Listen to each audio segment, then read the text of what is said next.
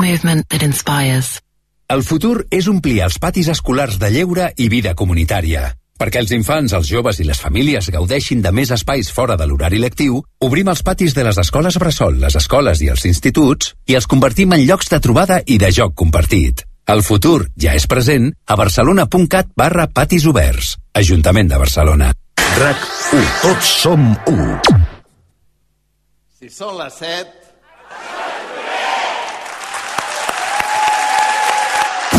RAC1 presenta La Ruta Islandesa amb Albert Om, en directe des del Teatre de Lloret, amb el suport de l'Ajuntament de Lloret de Mar, capital de la cultura catalana 2023 i la col·laboració de Wine Palace, Restaurants Cònic i Castell de Lloret.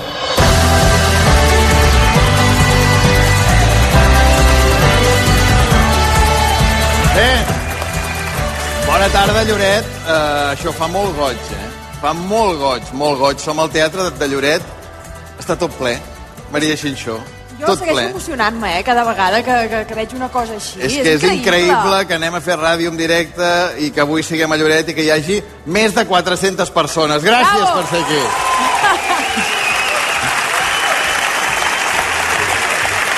Això, clar,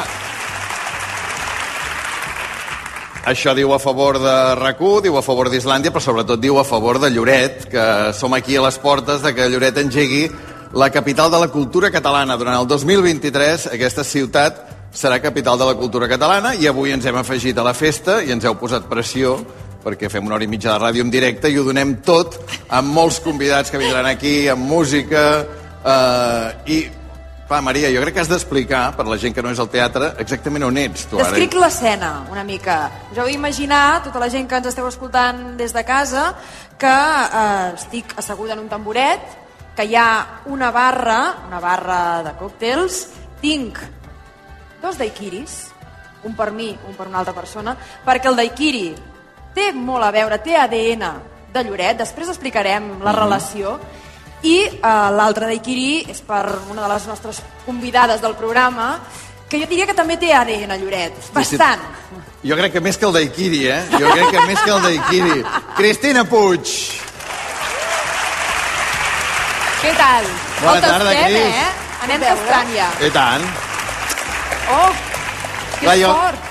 Jo em havia fet la idea al veure dos daiquiris, eh, quan la Maria diu serà per una altra persona, i pensar que seria per mi. No, és per la Cristina Puig, l'altre daiquiri. A veure, jo crec que em pot haver-hi algun per tu. Boníssim. Ara farem que, que vingui algú, que te'n passi un, perquè el vull tastar perquè està molt bo. Bé, eh, jo conec gent de Lloret, però no conec ningú com la Cristina Puig que l'hagi sentit durant tants anys defensar tant, tant. el nom de Lloret des del primer dia que ens vam conèixer, eh, Cris? Exactament. Bueno, és que Lloret és la meva segona casa, perquè jo vaig començar a estiuejar a Lloret als dos anys i vaig estar-hi fins als 20. Per tant, aquí m'hi ha passat de tot. Tot I, és eren, eren vacances d'una setmana, dues setmanes? Eren vacances de quatre mesos, eh, els meus pares treballaven, llavors acabava l'escola i cap a Lloret. Quatre mesos amb els avis, Imagina't. festival. Clar, fins al punt que a la promo del programa... Dèiem, parlaves de primeres vegades. Clar, hi havia una frase Sí, de la. Cris Puig, totes les primeres vegades m'han passat a Lloret. Sí. I aquest públic és molt mal pensat. Bueno, que me'l pensin, ja fan bé. Diu ja. totes les primeres, totes les primeres vegades, però només han anat a una primera vegada. Ja, ja, aquesta... També va passar a Lloret? Concretament... Després t'ho explico. Però n'hi ha hagut unes quantes, eh? Unes quantes, unes quantes. Bé, sí. amb la Cris parlarem avui durant el, el programa i també tindrem música, tindrem música per, per acabar aquest Islàndia especial des del Teatre de Lloret i ho farem amb una gent que ens fa moltíssima il·lusió que siguin aquí, que són l'Òscar i l'Helena, que són De La Fe i les Flores Azules.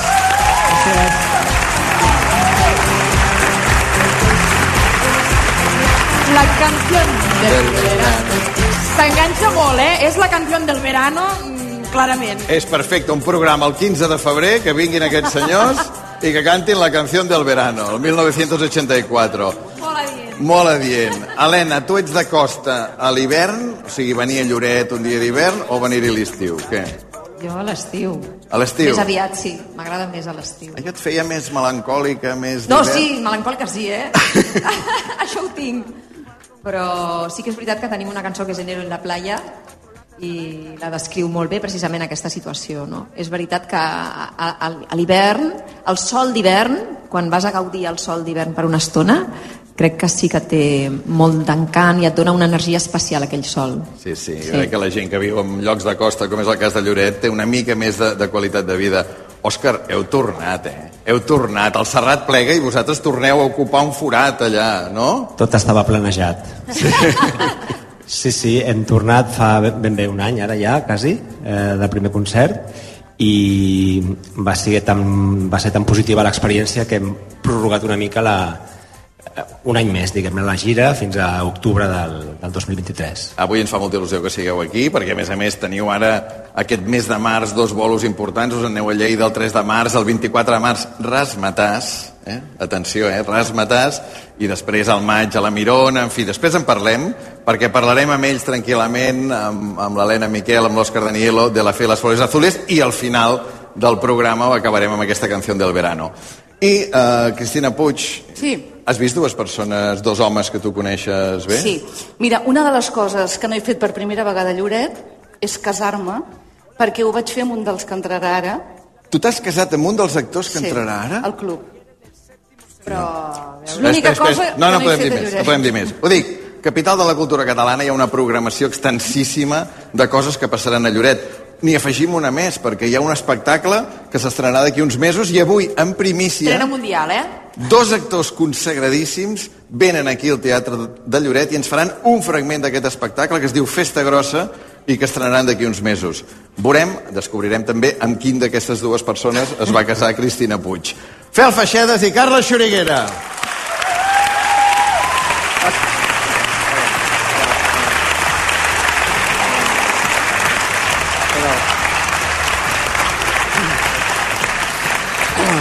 Bona, bona, tarda a tothom. Bona tarda. Benvinguts aquí al teatre. Fot molta il·lusió, això. Fa mo moltes ganes d'estre- Moltes ganes.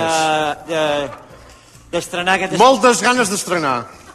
moltes ganes d'estrenar aquest espectacle. espectacle Aquí en, pri en primícia. de la primícia. Eh, aquí a De, Lloret. de la primera vegada que ho farem. Sí, uh, i això, això... A Lloret. A Lloret, de mar, sí. A, Feia temps que no venia a Lloret. Sí. L'alcalde tenia cabell, com vaig Sí. dir. I, i, Molt, ma molt maco. Sí. I això que, això que estrenarem espectacle... Espectacle. Uh, uh, bueno, ja, ja passa una cosa... Passa una cosa. Estaràs tota la puta tarda repetint el que jo dic? O... No, no, digues, digues. Ah, no, vull dir... No, no, no parla- si que has dit tu, eh? No, no, no, carai, parles tu. Val, val, no, és que em veig que vas dient... Dic que... No, no, no, jo no dic res. Val, val. No, no, no fot il·lusió. Sí, fot, fot il·lusió això de venim aquí a fer aquest espectacle, que és un espectacle que... Uh, uh, ben, uh, o sigui, en, encara no el tenim escrit. No escrit. Encara no. Llavors l'Obert diu, vindreu a estrenar? El dic, sí, Sí, sí. però quan hem sigut aquí dic, calla, Hòstia, no, no tenim res. no tenim res. No tenim res. No tenim res. Ara ens fot molta il·lusió, eh, si vull aquí. de veritat, de veritat, que, que, casa, que he sortit de casa i diu, va, Lloret, em fot molta il·lusió. Sí. Què, fa, què vas a fer? No, Estrenar un espectacle, hem dit. espectacle. Anem a estrenar un espectacle a Lloret de Mar. M'ha agradat molt venir. Sí. Bueno, esperem que us hagi agradat. Sí. D'aquí avui hem tret bones sensacions. Sí. Han de retocar quatre coses que ja hem notat ara. Sí. També heu vist que no hi ha cap canvi de llum ni res, això encara I... els No, tècnics... és, és molt, ple, molt de cara a barraca. Sí, sí. És que eh, se, se n'abusa del llum. Sí, a vegades se n'abusa del llum. Se n'abusa molt i, hosti, el canvi climàtic, mira, una mica tots, una mica de consciència l'han de prendre. Eh, això de, bueno, Sí, no, està bé, això que has dit. No, nosaltres el que sí que farem és un espectacle que... espectacle, farem, a- farem aquest un i jo, espe- resulta que fa 25 anys que, Sí. que, que aquest 2023 celebrem 25 anys de 25 les anys. bodes de plata. Eh, plata. Sí, que aquest i jo... Aquest. Gràcies. Gràcies. Gràcies. Gràcies. Sí, sí, sí. Gràcies. Fot, fot més temps que estic amb tu que no pas amb la meva dona. Sí. I lo descansada que està la teva dona, que estigui amb mi. Sí, eh? també, sí, I l'únic que ens falta, l'únic que ens ha faltat aquests 25 anys és és anar al llit junts. Això sí que ens n'hem pogut estar, per sort. Bueno, jo un dia vaig intentar, però... Sí, sí però no. No. I llavors el que farem és 25 anys de, de, de penes i glòries. Bàsicament el que explicarem en aquest espectacle Sé serà... més penes que glòries, perquè a glòries hem estat repassant i tampoc no és pas No. que hi hagi... No, Glòria és... Però pena n'hem fotut bastanta i... Bueno, penes, parlarem de penes que ens han passat al llarg d'aquests 25... Vull dir, per exemple, eh, allò perquè potser no ho sabeu, però la teu mare es va morir un dia que teníem actuació. Sí, això fotrà molt de riure, això. Sí. Això a la gent li agrada, sí. saps? Bueno, la teva mare tam- també. Sí, la meva mare també. També Un dia d'actuació també es va morir. Sí, sí. Bueno, com la teva àvia. La teva àvia també... Sí, sí, sí, estàvem actuant i quan vam sortir la seva àvia Però el dia de l'estrena a Targa, la teva àvia... La meva àvia. La meva àvia es va morir. l'àvia teva. Que, La meva àvia... que no Sí, li van sí. voler dir fins a acabar l'estrena perquè sí. dic, hòstia, aquest Sí, es sí. fotrà aquí. Tot No, no, nosaltres quan pugem a l'escenari pensem, aviam qui s'està morint ara, saps? Mira. Sí. Jo, tinc, jo tinc el germà a l'hospital de Palamós, ara. És veritat, està ingressat. Està fotut dels... Com he marxat era viu, però ara poder ja... Ah.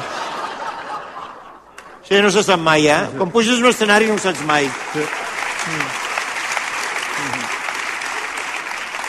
No, Bueno, mira, ara pensant, act estàvem actuant a Banyoles i érem a l'escenari i es va morir el teu pare. si no... hi- Sí, sí, sí, sí. Sí, sí, sí, sí. Sí, sí. Bueno, i el teu pare també és mort, també quan...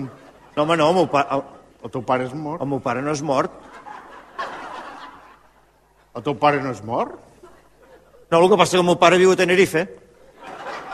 Bueno, si fa no fot, doncs... Sí, Bueno, vull dir, sí, però no, no com és... fa que no parles amb el teu pare? Eh? Amb el teu pare com fa que no parla?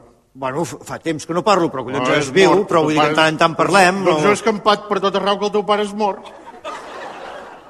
Pensava que... No, dic, aquest amb feixades no em vol dir que el seu pare és mort. I Collons, tenim amistat com per haver-te dit que el meu pare és mort, si és que és, mira, que és o mort. no li ve més... No sé, o no te'n vas a descuidar, o... Va, Tu creus que no? A mi, jo li vaig dir a la Marta, la meva dona, què fa el pare d'en Fel? Dic que és mort, ja fa temps. Sí. És mort, pobre home. No, no, doncs es viu, es viu. És mo- és es, viu. es viu. Eh? Bueno, oh, collons, quan he pujat a l'escenari era viu també, eh? Vull dir que algú dels dos lleparà avui. O el seu pare o el meu germà que estaria la palmen. És que cada cop que pugem passa alguna cosa. Vull dir que... Doncs bàsicament el que fotrem serà això durant una hora i mitja, bàsicament. Sí. Més, més vint que pas mitja, eh? Sí, sí. I si podem fer-ho en una hora, ho farem en una hora, Sí. també, eh? També us ho dic, això. Sí. I el que... Sí. Eh? No, sí. No, no, parla tu, parla tu. No, no, si vols parlar, parla tu. No, eh? si no tinc res a dir. No. Ah. I llavors, el que ens fotria molta gràcia també Eh, és que no el tinguem fet, eh. Calda, que hi ha un teatre ben maco. Ben parit aquest alcalde d'aquí que teniu. Molt bé, molt maco, molt... molt... Ve- ve- Vigila el que dius. No, estan les eleccions, vull dir, l'hem d'apoyar. Però dir, si ens contracten, al final qui pagarà serà ell. Per això, llavors és ben parit aquest alcalde. És, és, Però, és no, valent. però vull dir, no, no et passis de això, voltes. això, aquest, això que veus aquí, això ho va fer ell. Això, aquest teatre, ho va fer ell. Sí, com si fos una manobra. Va venir ell pic i pala. La meitat dels hotels que has vist que, quan has entrat són fets d'ell, me cago en Déu, la seva mà. Molt ben parit aquest alcalde. No, no. A vegades, quan... Oi treballa aquí, treballa a la Diputació, treballa avui, s'endú calés de tot arreu. No, no, vull dir que penca, penca.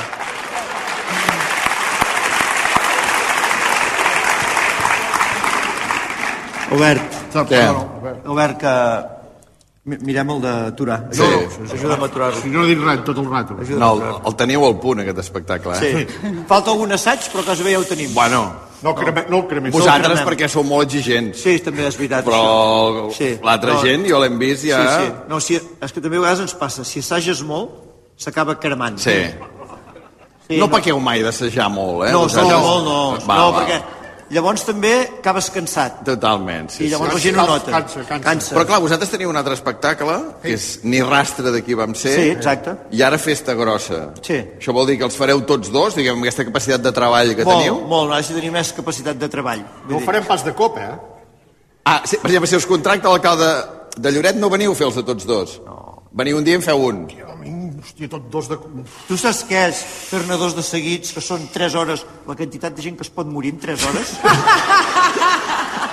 és que, esclar, hem de No tenim, això. no tenim bastanta família, eh? No, bé, hi ha un punt que ens tocarà a nosaltres, eh, amb un original, i tampoc és el pla, saps què vull dir? No, no.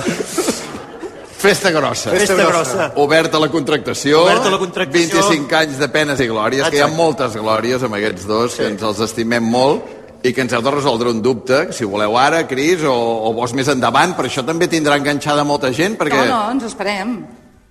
Jo tinc Qui es va... teoria. O sigui, algú recorda haver-se casat amb Cristina Puig? Jo, Fel bueno, Feixó- jo me'n recordo. Tu te'n recordes? Me'n recordo de la situació, però ja, ja és... Vull dir, Jo- mira, mirant-me ja es veu que qui es va casar amb la Cristina Puig. Jo el que recordo, es veu. jo el que recordo és que va ser un casament no consumat. A vegades passa això. I no Fel. sé si és que ho tenim pendent, Bueno, mai se sap. i cony, som aquí a Lloret. Bueno, mira, aquí hi ha hotels. La meva dona em sembla que no escolta el programa avui. Està fent spinning? Eh? Està fent spinning. Ah, clar. El teu home potser, vull dir que igual és un bon moment de, de, de Podem veure... acabar-ho. Per exemple. Bueno, doncs mai està. Ens vam casar amb la Cristina Puig. Bravo. Bravo, sí senyor. I atenent als precedents, el millor que es pot dir és que no es va morir ningú durant aquell No, casament. no. Vull dir que, que això va acabar bé. En fi, després tornem a a estar amb en Fel i en Xuri. Gràcies, Gràcies, per ser no, aquí. Vosaltres, Gràcies. ja ho sabeu. Ja ho sabeu. Gràcies, Lloret. Adiós. Bé, un quart en punt de vuit. Jo crec que per al·lusions, per al·lusions, hi ha una persona segurament la més citada durant aquesta sí. estona. El que ha fet eh, tot això que veiem, no? Tot el que ha fet tot això que veiem. Sí. Alcalde de Lloret, eh, vine aquí, sisplau, Jaume Dolçat.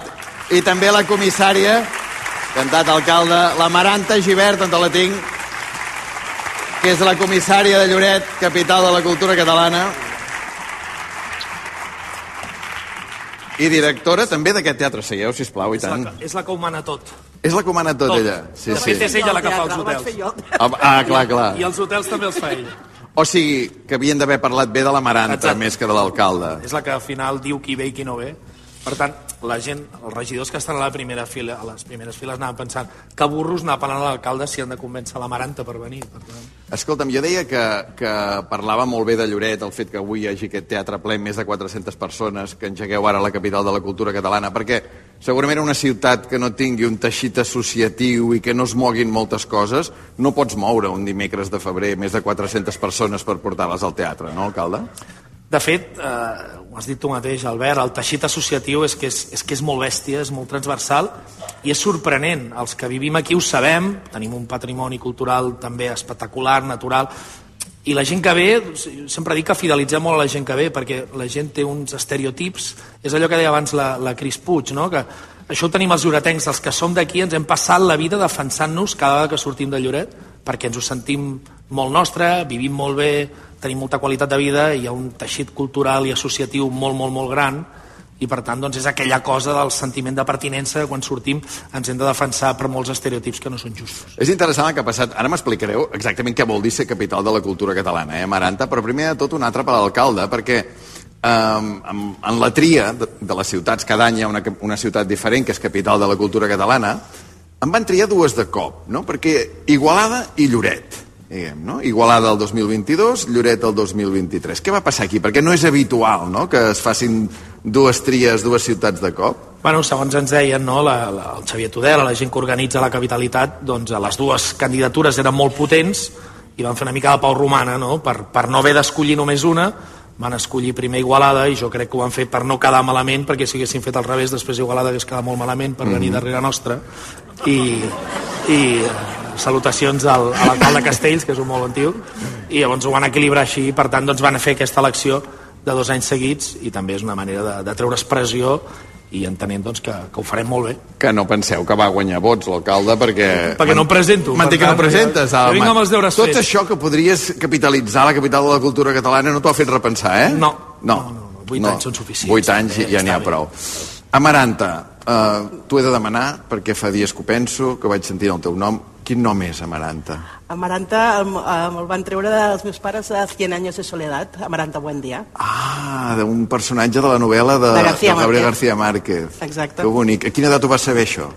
Uh, Perquè, què? clar, hi ha un moment que dius... Hi ha un moment que vas a col·legi i dius, em pregunten... Sí, amb aquest, amb aquest. Amb aquest, no? Jo no el sabia escriure, tothom el sabia escriure, jo no.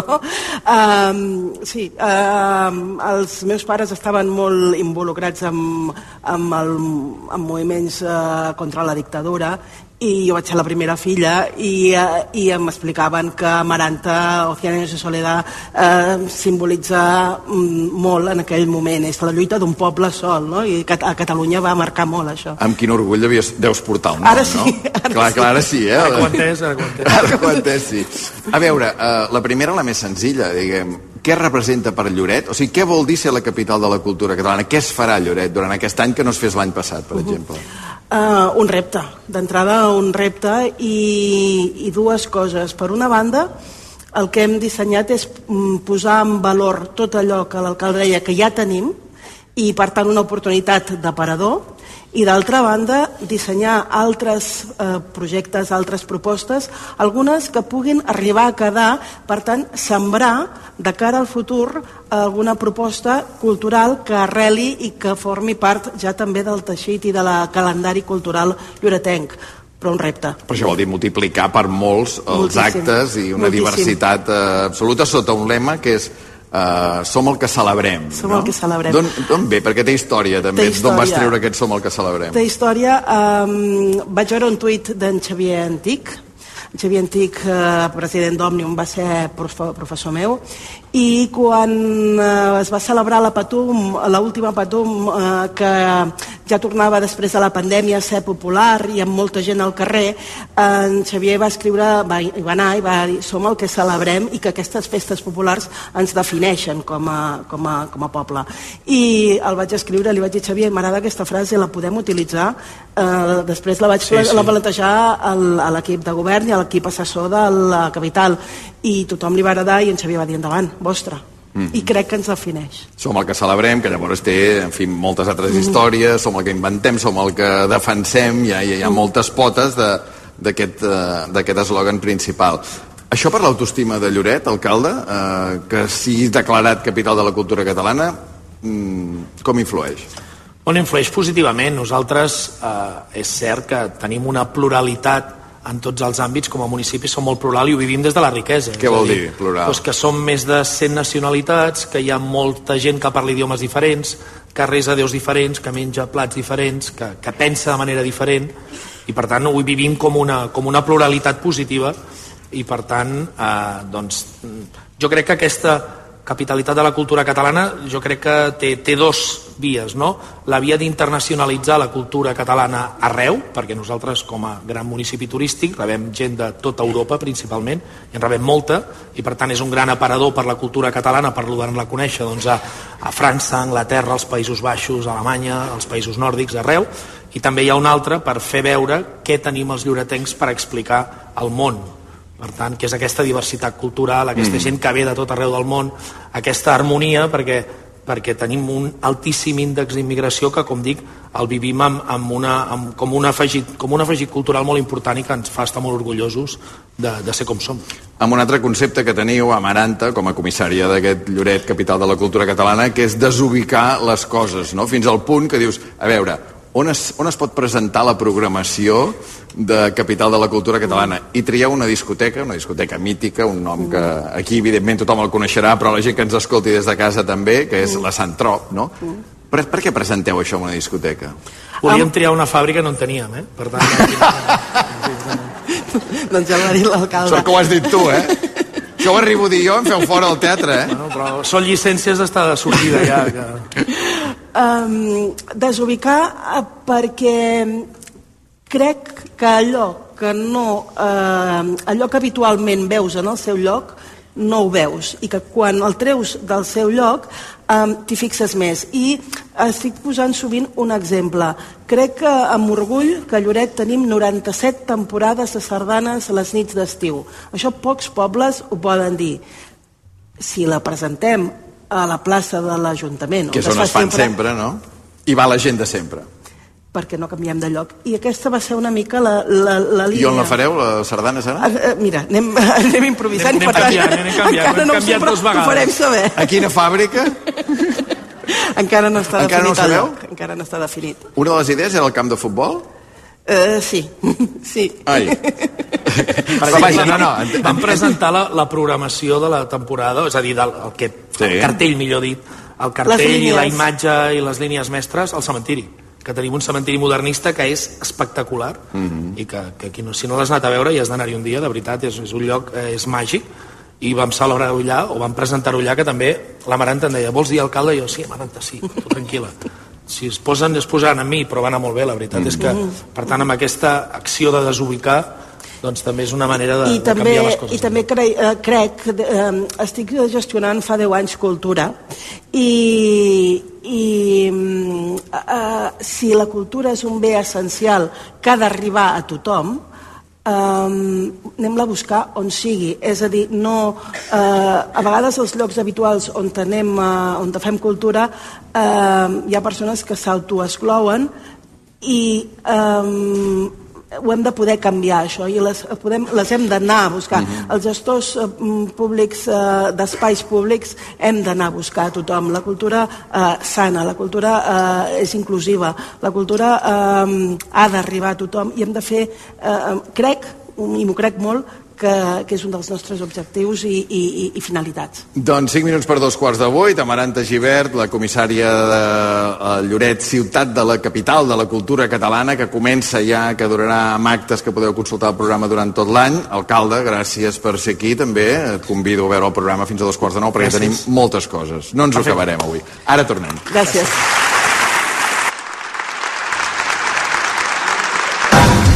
Islàndia, amb Albert Ong. A Wine Palace hi trobaràs una gran selecció de vins i destilats, amb més de 5.000 articles i 28 botigues a tot Catalunya. Segur que trobes el que necessites per a cada ocasió. Aquesta setmana entra a la web winepalace.es, fes la teva compra amb el codi febrer i tindràs un 5% de descompte. En teníem moltes ganes des de feia temps. Per fi hem obert el nou restaurant cònic de Blanes. Amb la nostra carta de sempre, amb les nostres clàssiques hamburgueses, entrepans, amanides, plats combinats, tapes, tot en un local molt còmode i agradable pensat per tothom. Obert tot el dia. Fem un cònic? Aquesta primavera obrirà el públic al Castell de Lloret. Un audaç i il·lusionant projecte que combina l'entreteniment, la conscienciació sobre el canvi climàtic i una experiència immersiva amb la sincera vocació de convertir-se en un pol d'atracció internacional. castelldelloret.com Els vostres alumnes de primària són creatius? Coneixen bé Catalunya? Participeu en el concurs organitzat per Cruïlla Pluja d'Idees fent un cartell o un vídeo amb el més destacat de la vostra localitat. Cruïlla premiarà una escola per província i un Premi Especial Catalunya. 3.000 euros de premi per l'escola. Consulteu les bases al web cruïllacertamenplujadidees.cat Febrer és el mes blanc i a Montse Interiors apliquem un descompte de fins al 60%. Consulta condicions. Articles essencials, aquells que no poden faltar a casa teva. Ara és el millor moment. Jocs de tovalloles abans des de 23 amb 95 euros, ara 14 amb 95. I funda nòrdica dues peces des de 14 amb 50 euros. Vine al mes blanc de Montse Interiors. A les nostres 27 botigues i a montseinteriors.com. I recorda, fins al 60% de descompte, només fins a final de mes o exaurir existències. El seu currículum està força bé, però l'anglès com el porta? Perquè somriu? Als cursos d'idiomes a l'estranger de Rosa dels Vents no només aprendran anglès, sinó que viuran una experiència única que mai oblidaran. Rosa dels Vents, cuidant el que més estimes des del 1976. RAC1 us està oferint La Ruta Islandesa amb Albert Om en directe des del Teatre de Lloret amb el suport de l'Ajuntament de Lloret de Mar capital de la cultura catalana 2023 i la col·laboració de Wine Palace Restaurants Cònic i Castell de Lloret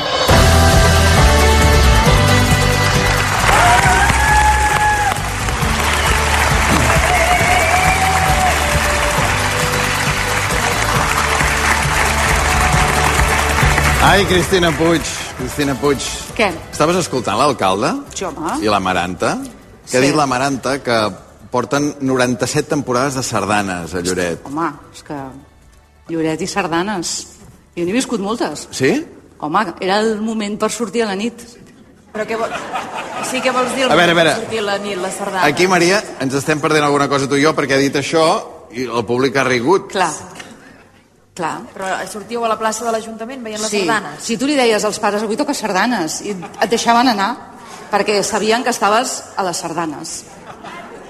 Llavors, eh, el que feies era baixar la sorra els patins, Desubicar, que és una mica la capital de la cultura catalana. Sí, sí. Sí.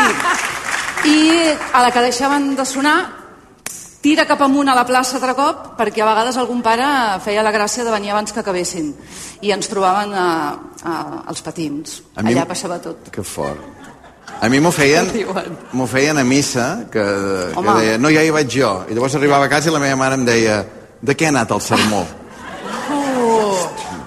Això em va desarmar, perquè clar... No, clar, ha anar a anat les sardanes és potser una mica sí, més de què ha anat el sermó? No sé, mare, Cada no hi cop he ho fem anat. millor. Cada cop ho fem millor, en sabem més. I... I, el, I els patins què passaven? Tu. Anaves a... Bueno, a veure, A veure, quanta gent ha anat als patins aquí? però Tot, passava tot. tingueu compassió dels que no som de Lloret. O sigui, a veure, Sí. els patins què vol dir? Fosc? Els pa... bueno, Sorra? Sí, sí, platja.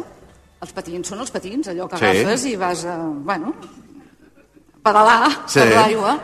Llavors, eh, quan tancaven, a les 6 de la tarda, 7... Ah, els patins del, del mar, dius. Sí, sí, sí, ah. aquells que... Val, val, ja m'estic ubicant. Val. Llavors, eh, a la tarda eh, fèiem doncs, el que és el botellón ara, diguéssim, però sense botellón. Nosaltres allà ens Mhm. reuníem els amics i, mm, i conspiràvem.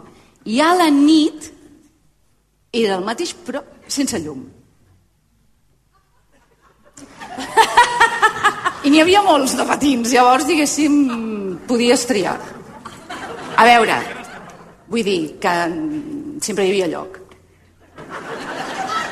Aquesta metàfora dels patins... Bueno, no, boníssim, no, però és veritat, és que la gent de. Lloret sap que eh, quan ets petit i comences a sortir, que et comencen a deixar sortir a casa petit, vull dir, allò adolescent ja una mica que et deixen sortir. Quan tu dius que vas als patins, platja, doncs, bueno, deixa'ls que facin i, i allà jugàvem. A què jugàveu? A, a verdad, acción o beso. En, en què consisteix sí. aquest joc? A grans trets. Consisteix en que si ets una mica espavilat sempre dius petó. Veritat, poca gent, poca gent la deia, Mhm. però, hòstia, era el joc de moda i jugàvem sempre, sempre, tota hora. Per tant, els primers petons de Cristina Puig van ser a Lloret. Sí, sí, sí, amb els amics experimentàvem. Ja. Què passa? No, és que estic nerviós. Fel. Hi ha algú aquí Home, escolta, no, home, no, però què vol dir? que s'hagi morrejat amb la Cris? Però qui és aquesta? Per curiositat, eh? Però escolta'm, tu què et penses? No, amb, el, amb els nostres amics, no, no amb qualsevol que passava per allà. Bueno, eh? per això Home, però potser mateix, algú però- dels amics... No, home, no, perquè m'ho haguessin dit que... Perquè els amics que era... És, Encara els tinc... és, Mira, els hi acabo de dir que estàvem en directe a Islàndia, explicant... que és una colla, una colla d'aquestes d'estiu, no? Que ens hem d'imaginar amb gent de tot arreu, tota gent de. Lloret, però gent de tot arreu, no? Gent de Terrassa, de Barcelona, d'Andorra, eh, de Madrid, i eren, ens veiem molt intensament, però només quatre mesos l'any. I durant l'any, potser de tant en tant ens trucàvem, però no, no quedàvem. Per Clar. tant, I el comiat? Uh, clar, perquè allà hi havien passat coses a l'estiu. Els i patins, no? Els patins. I sabies que aquella, aquella persona no la tornaries a veure fins l'estiu següent. Llavors era força dramàtic, sí. Sí, sí. Aquelles colles d'estiu, m'imagino que tots, tots entre tots i dels petits, no? Arbúcies patinaven molt a casa. No, no. Jo quan venia a Lloret... Allà a la Riera no. Jo ja venia patinat de casa quan venia a Lloret. Bueno, també teníem Can Joanet, diguéssim. O sigui, hi havia o els patins o Can Joanet. Que quan, Can Joanet era un bar. No, Can Ah. Joanet era um, com una mena de bosc, uh, molt, a, molt a prop del castell, recordo molt els eucaliptus. Els eucaliptus. Sí? Té sentit, eh? Xuri? Home, d'un bosc, recordar-te l'eucalipto... Bueno, i allà, allà... No, allà s'hi feien... Bueno, s'hi feien... S'explicaven moltes històries sobre Lloret, que hi havia en Joanet per allà, llavors havies d'amagar-te perquè no et veiés i... Bueno. Aquí, aquí, tota la vida, clar, què vols? Ens has anunciat, jo ho he entès així, Maria, sí. fer el xuri, corregiu-me si no... O sigui, has dit, les primeres vegades ja us les explicaré després, Sí, no? ho ha dit, ho ha dit. Per això... Per això bueno, aquí estem. Eh, aquí estem per això. Vull dir, a mi al final el bosc de- el bosc d'eucaliptus no m'interessa per res. Sap greu, eh, Cris? Però jo estic aquí per Ja. saber que... Ja, ja, ja. Però Que- anaves que- molt marcada? Anaves molt marcada a casa? O vull dir, l'hora de... Com? No? Que vol dir molt marcada? Marcada, vull dir, si anaves molt... Havies de fer les 12 a casa... eh. Sí, sí, sí, sí, sí. Casa meva... Per, que, eh, la meva família es dinava a les dues, sempre. Llavors, jo a Lloret hi he viscut a tres llocs. El primer era un pis al carrer Venècia, i he dit a la meva mare, per què vam anar a espetegar a Lloret? I diu, bueno, un dia vam venir-hi de visita, ens va agradar molt, vam preguntar si es llogava algun apartament, i el senyor del bar, que es deia Maitanquis, ens va llogar, un- potser hi és, algú, un familiar o... del Bartomeu, diuen, pot ser? Bartomeu? Senyor Maitanquis ens va llogar un pis, vam estar allà al carrer Venècia molt temps i després vam anar, eh, que això la gent de Lloret ho recordarà, primer en una casa, eh, diguéssim, davant del passeig marítim i després, sabeu aquella casa que teniu encara, que està, alcalde, feta pols? Ai, ai. Al pis de dalt hi vivia jo. I cada vegada que vinc a Lloret hi passo, perquè era d'unes senyores que nosaltres hi dèiem, li dèiem les iaies, eren molt simpàtiques, no sé com va acabar, però eh, bueno, està com molt abandonada aquella casa. I és el passeig marítim, aquesta El mateix passeig marítim, llavors, clar, eh, allà passava tot, era, era un cinema permanent, viu a tota hora, posaves al balcó... La No teníem àvia- prismàtics? Perquè anava a dir... Sí. A casa teníem uns, uns prismàtics que miraves al mar, no? La meva àvia tenia uns binocles i es posava així estirada com amb una tovallola per la humitat, llavors començava a mirar i ho veia tot, perquè a la sorra, els patins, hi passaven moltes coses. O sigui, la iaia mirava els patins. Sí. I deia... La iaia deia, anem, Cristina, la iaia deia, anem cap a Lloret. Sí. Llavors, per exemple, una cosa que feien els meus pares, i et dic, amb el meu grup d'amics, eh, hi havia alguns que tenien la sort que podien pujar a dinar a les 3. Casa meva es dinava a les dues i era sagrat. Llavors, la manera de saber que jo havia de pujar a dalt, lligaven a la barana d'aquesta casa una tovallola. I jo des de la platja, quan veia la tovallola penjada, havia d'anar cap a dalt a dinar. Va, total, no ens ho explicarà. No, No, ens ho no, explicarà. Cris, eh, llavors, eh, s'acabava l'estiu, d'aquests Sí. 3 o 4 mesos que passaves aquí, tornaves, i què et sabia greu sentir de Lloret? Que algú digués de, que no és d'aquí, que no està habituat a venir aquí, i tu reaccionaves, saltaves, Sí. quan Perquè- la gent deia què? Bueno, doncs eh, el que, que Lloret acostumava a sortir eh, als mitjans de comunicació pel turisme, aquell no, concepte del turisme de borratxera i els que hi hem, hi hem estat tota la vida, jo aquí tinc família, tinc la meva cosina que a més a més hi viu també, els que, els que hi hem passat aquí bona part de la nostra vida, coneixem també un Lloret, que és el Lloret que no surt a les notícies, no? que és el Lloret de la gent del poble, dels bars amb la gent del poble, o sigui, amb tota la benvinguda que faci falta als, als turistes, només faltaria, hi ha el Lloret de tota la vida, l'autèntic, eh, del, del casc antic, de, del Parada, de, bé, de tots els bars que coneixem, i nosaltres, eh, quan sentíem això, ens estranyàvem, perquè realment, eh, quan estiguejàvem aquí, teníem la capacitat d'anar a llocs on realment només hi havia gent d'aquí. Um, I, per tant, jo sempre allà on he anat he defensat Lloret, perquè O sigui, no em ser- sembla gens just que es digui això de Lloret. Bé, senyor. A veure, Cristina. Sí. L'alcalde diu que no es presenta. No, no, sé, només em faltaria. alca- Cristina, alcaldessa. Alcalde dona el relleu a Cristina Puig com a alcaldessa. El que he deduït, si anava només a llocs de gent d'aquí, la primera vegada devia ser amb algun d'aquí. Sí. No? Clar, No. és que jo també venia molt aquí. I creiem si algun dia tu i jo vam patinar junts. A veure si el, el matrimoni s'havia consumat abans. Poder sí, eh? I no Perquè, ens clar, en recordem, és veritat. Bé, eh, Aquí em vaig trencar el braç per primer cop, Ah. Per culpa d'una vella. Hosti, a veure, la relació... Aquí entrem en un moment complicat, eh? Relació de, de Cristina Puig sí. amb bèsties... Eh, a veure, per culpa d'una vella et vas trencar el braç? Sí, sí, sí. Um, anar amb bicicleta és una cosa que es fa molt a Lloret. Primer fas bicis, després fas uh, moto i, bueno... I la veia venir així directa, vaig començar a fer així, no em va picar, però em vaig trencar, em vaig trencar el braç. I al cap de 5 anys em va, em va acabar picant a la platja. la mateixa, era la mateixa. T'esperava. T'esperava, eh? Sí. Era la mateixa. Sí, sí, sí. Va esperar 5 anys, eh? Sí, Estava els petits, la tia esperant allà. Diu, a veure si vindrà aquella, que ja veuràs quan l'enganxi. Sí, sí. Deixa'm que afegir a la conversa una persona, perquè dèiem que el, tota la programació de Lloret, eh, capital de la cultura catalana, s'ha fet a la discoteca Sant Tropi. Em sembla que tinc l'encarregat per aquí el Lluís Ríos. On és el Lluís? Lluís, vine cap aquí. Endavant, endavant.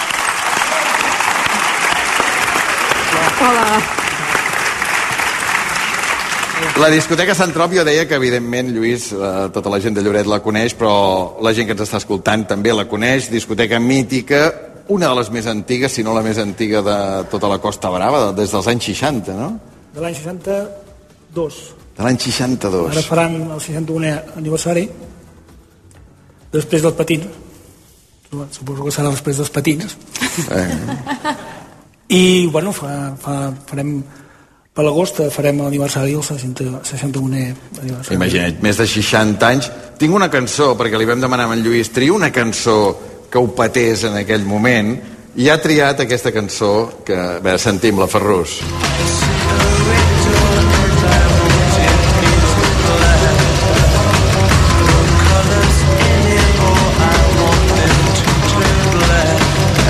Painted Black dels Rolling Stones. Aquesta ens hem d'imaginar que era la cançó que petava el Sant Trop quan va obrir? Sí, perquè era l'època d'aquesta gent, també, també hi havia els Doors, i, i era, primer la discoteca era com un, un garden club, després va passar a ser un dancing i després va ser una WAT. Una boat, home.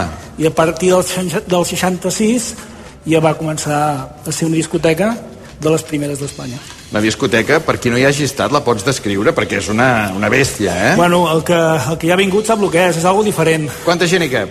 Eh, 1.900. Ostres, més que aquí, eh? Més Sí, que el teatre. més que aquí. 1.900 i un pico. Però bueno, que és una discoteca en tres plantes, amb un ambient molt ma- molt maco a la part de baix, la planta de mig eh, és per, per reservats i després hi ha una terrassa molt maca a dalt on gairebé tothom va petar quan fa calor, a l'estiu sobretot i sí està molt bé. Jo tancava Sant Trop. La meva època tancava Sunday Bloody Sunday dels Sí. Uros. Llavors ja dius, hem de plegar, s'obrien els llums i havies de marxar. Els patins. Els patins, clar, clar, clar. La, la, la discoteca Sant Trop, que a més a més ara ha estat elegida entre les 100 millors discoteques del món, eh? La 80. Que bé. Vam estar en, en directe amb el meu company Wendell a Tenerife, en el Hard Rock de, de Rige, i es van donar aquesta eh, consideració. Sí, sí. Que hi ha, du hi ha dues discoteques de Lloret, em sembla la Tròpics, també entre les 100 primeres discoteques de, del món. Sant Trop que torna a obrir aquest dissabte, perquè clar, és que capital de la cultura catalana, però Carnaval també, no? Clar, és, el, és el moment àlgid ara per obrir, Hem no? tancat per fer una sèrie de, de tocs i bueno, era el moment de Carnaval poder, de poder tornar a reobrir i bueno, veig que hi ha empenta perquè la gent m'està trucant i que, que tenen moltes ganes de festa. Mm. I un dia et van dir, escolta'm, allà volem presentar eh, Lloret, capital de la cultura catalana, no? Sí, sí, sí, jo, precisament hi ha un regidor aquí que m'ho va trucar per telèfon, vaig tenir que aparcar el cotxe i em va dir, Lluís, podem fer això? I dic, sí, cap endavant, perquè nosaltres podem donar molts de serveis, a part de, de posar música, i és un, és un espectacle poder, poder venir a discoteca. Um, Lluís, tria una cançó. Mira. Una cançó que t'agradi, la, la que diguis... Jo en tinc una preparada. Uh, November Rain de... November Rain, és De- aquesta, a veure ja.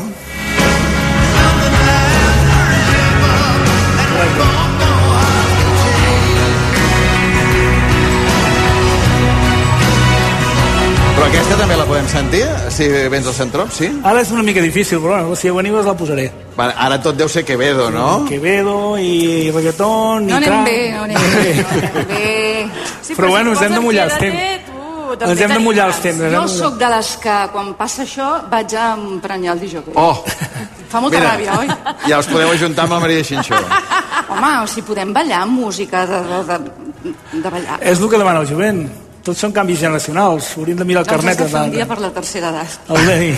Però si S'ha ha de mirar el carnet, s'ha de mirar el carnet. Si hi ha 1.900 persones, has d'anar emprenyant Sí. tu, el disjockey, sí, eh? Sí, perquè com ja porto molta estona de música que no conec, al final dic, hosti, anem a posar una mica alguna que, que, que em recordi. Soc molt nostàlgica. Bueno, és que això només ho fem els dissabtes per la gent local i la gent de comarca, però després a l'estiu tenim, marquem les pautes amb la música. Jo no ho he entès mai, això del disjockey, perquè és com si ara hi ha més de 400 persones en aquest teatre Lloret, Sí. sí. anessin baixant, així, amb contagotes, mm. i entressin aquí a l'escenari i diguessin, escolta'm, no podeu canviar de tema, que això... Sí, sí.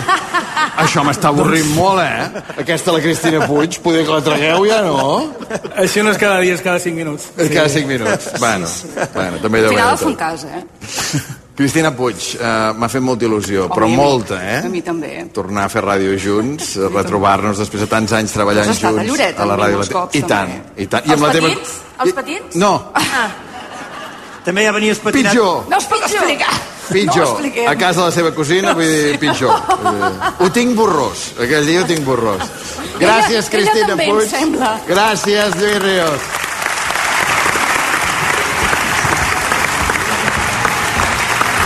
Va, um...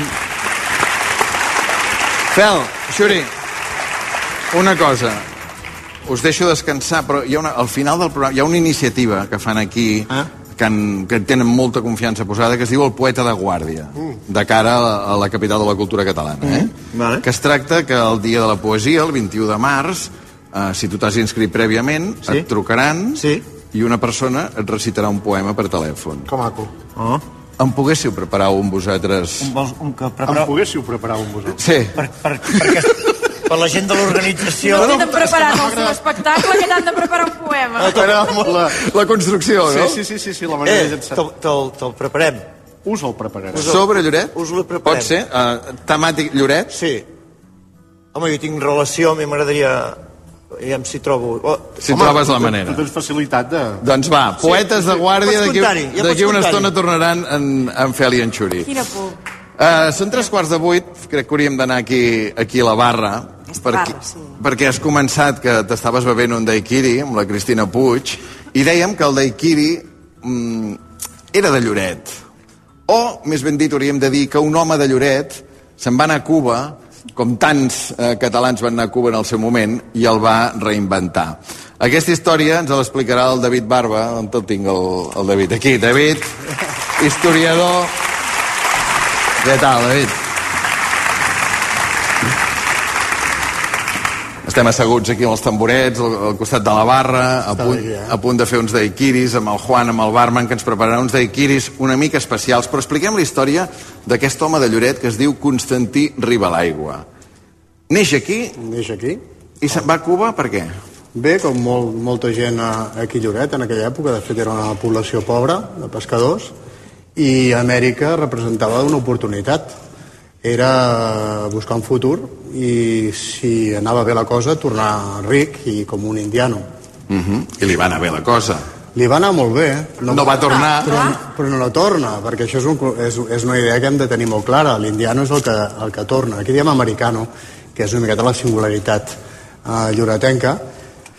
Però bé, no li, va cal, no li va caldre tornar. De fet, sí que va ajudar la família, que s'havia quedat aquí, però va muntar un bon sarau a l'Havana. Clar, La se'n va anar a un local mític, tothom que hagi estat a l'Havana, jo crec que hi ha dues cites, diguem, les turístiques, que anem a Bodeguita del Medio o el Floridita, no? que és un local de còctels maquíssim, que és maquíssim. Mític. Jo hi he estat, he demanat el daiquiri frozen, aquest, el daiquiri típic, no? el daiquiri que tens mitificat pel Hemingway, sense saber que qui se'l va inventar era el Constantí Ribalaigua, que acaba sent que el, el cap de sala, propietari... De fet, tot- acaba sent el propietari, però una cosa més important, eh, de fet, està considerat el pare de la, de, de la cantina cubana. O sigui, de fet, tota l'escola de grans cantiners cubans li deuen a l'ofici doncs, a un lloretenc. No? I això és una cosa que ens fa sentir orgullosos no? des de Lloret i que intentem fer bandera perquè tenir un cocteler nascut a Lloret que sigui eh, diguem el, el, el mestre, el pare de, d'una de les, no, no una de les, sinó la, la més antiga de les associacions de barmans del món, doncs no, s'ha de dir, no? I a més, una cosa que vull dir, que no me n'oblidi, el Constantí està considerat el cocteler més influent del segle XX. O sigui, no parlem només de Lloret, sinó de tot el món. Clar, la situació aquesta que dèiem, estem nosaltres a la ban- a l'altra banda de la barra, diguem, a la barra dels clients, a la banda dels clients, a l'altra banda hi tenim el Juan, el cocteler, amb, amb la Maria, amb una situació semblant a aquesta, diguem, tenim el Constantí, sí. Ribalaigua, a la barra, eh, fent els còctels, diguem, dirigint tot el, el cotarro, i en lloc del client hi ha l'escriptor, el Hemingway, El Hemingway. que el Hemingway és molt important per acabar de popularitzar el Constantí Ribalaigua, no? Sí, bé, deixa'm trencar una, una llança a favor de Constante. Constante ja era el millor cocteler de, de Cuba i, de fet, eh, no oblidem que hi havia la llei seca als Estats Units hi havia grans, grans coctelers, gran gent de la indústria que visitaven l'Havana perquè era una miqueta allò de el patio trasero, no?, que deien, no? Estava a poques milles de, de, de Key West, de Florida, i per tant hi havia un trànsit Tot això estem parlant de fa 100 anys, Brutal, pràcticament, brutal, diguem, molt no? abans de Fidel Castro. I de eh? fet, abans que fos un Premi Nobel, un Pulitzer i que realment doncs, es donés a la fama com a escriptor, en Constantí ja, ja era una Mm. eminència, no? Si tu fas i juntes mm, dos icones com aquests, doncs la veritat que el resultat és una bona barreja i de fet, gràcies a aquesta relació, el Daiquiri número 4, el Frozen, fa una variació que crea en Constantí amb en, amb en Heming- Hemingway, que era el doble de rom però sense sucre, per la diabetis del, del Mm. Hemingway. D'aquest Daiquiri Frozen, diguem, la, la diferència és que es fa en batedora, com ara veurem. Exacte. El, diguem, el, el, el, entre altres coses, de, de, el Constante el que fa és el primer cocteler que aplica l'electricitat, diguem, el, el, el, aquesta eina com a, per, per fer còctels. Eh, no s'havia fet abans. O sigui, ara sembla que és una cosa molt habitual entrar a una cocteleria i trobar-te una batedora. I això pel client em passa més bé, aquest Daiquiri, que l'altre? Home, sobretot en el, en el que és l'ambient caribeny, el que fas és una textura amb el gel molt especial que fa que la puguis eh, digerir doncs, d'una manera molt agradable, no? Fe, eh? Jo l'he digerit eh, molt agradablement. A veure, a veure. Com Juan. funciona això? A veure. A veure, el Daiquiri número 4 el que té de particular, particularitat, a part del ron blanc, un ron 3 anys, que precisament és d'una empresa Olot, encara que el fan a Cuba, estem fent quilòmetre zero, per dir això, i, i el gel, el gel és un gel que es- ja és frappé, que és molt finet, ells en diuen hielo men- menudito, uh, són unes 60 mil·lilitres de, de ron, uns 25 mil·lilitres de, Ara, ara de- acabat de tirar un suc de llimona, de, no? de llimona, que seria com mitja, mitja Ara- llima verda. Ara hi va el rom, a veure, ja. Epa! La suc, el sucre, evidentment, Sí, és molt important. el sucre ja hi és. I això que posa ara, què i un- és? Això és un licor de cirera, Uh -huh. que li dona un toc molt especial, es diu Marrasquino. El Luxardo pràcticament diríem que és la, la marca top a nivell mundial. I aquesta és aquest, aquest, aquesta particularitat que fa que, a més, el, el daiquiri sigui tan agradable doncs, de, de veure, no? Epa. Ara agafa el gel. Ara agafa el gel, gel cap a dins, Ja ha posat sucre també al principi, eh? Sucre blanc. Una mica de sucre blanc, exacte. Sí, no és sucre moreno, en aquest, eh, Eh, en el daiquiri. no, aquel, veuràs que també hi ha gent que hi posa sirop, però, però bé, fem una miqueta de sucre blanc i... A veure el soroll d'ara. I batedora, sí, home, Endavant. sí. Vinga. Aquest és el, el daiquiri que acaba reinventant un Exacte. lloretenc, que jo li dic Constantí i tu li dius Constante. Bé, el van rebatejar a Cuba, evidentment, ja era Constantino, però evidentment la gent, el poble, eh, carinyosament el va batejar com a Constante, i bé, ja pràcticament es va oblidar, va deixar aparcat el nom de Constantí, encara que nosaltres aquí el, el reivindiquem, no?, aquesta... Perfecte, doncs ja podem servir aquí, home, perfecte. Fa molt bona pinta. Sí, sí. És com, La, la sembla textura... com una escuma. Sí, el, no? exacte. Queda, queda Bé, com en, en Hemingway la descriu, no? no? En la novel·la pòstuma, que és com pràcticament un glaciar que esquies eh? cap a baix, i per tant, bueno, Hemingway era molt, molt fan, evidentment, de, de veure còctels, Sí. i, i en, en feia uns quants en el Florida. Uns quants, uns quants de més se'n feia, segurament, no? Però, eh. Doncs escolta, Bé, ara en el... Juan en farà 400 més, sí. però, però no sé si farem una miqueta curt de ron, però pot arreglar, eh? Parlarem amb l'alcalde que... Escolta, intentarem, que ens intentarem ara quan fem una pausa que circuli una mica, però Sí, vaja, almenys aquest- amb honor al Constantí Ribalaigua, mort l'any 1952, enterrat a l'Havana, Exacte, en el- l'Avinguda dels Il·lustres, a més. i a més a més amb ganes de fer un museu aquí dedicat a ell, no? Exacte. No, jo penso que això seria la cirereta, no? Que els lloretencs... Perquè, de fet, el Daiquiri ens explica. Expliquem molt. El, el, és, no és només una cosa està relacionada amb el, amb el teixit empresarial, bars, restaurants, terrasses, doncs això ja té un, un, un relat, sinó que també explica la història, no? que diem, aquest vincle amb Cuba, amb l'Amèrica, amb fer fortuna, per tant, tot, és, tot està molt ben lligat. Per tant, posar-ho tot en un museu seria excel·lent. Maria, um, et faria res mentre jo estic aquí a la barra enfeinat atendre els propers convidats? Que passin, que passin els propers convidats. Que passin els propers convidats, sisplau. sisplau. Home, que passin... Atenció als propers convidats, perquè em sembla que els propers dies els veureu bastant per Lloret. Són el rei i la reina Carnestoltes.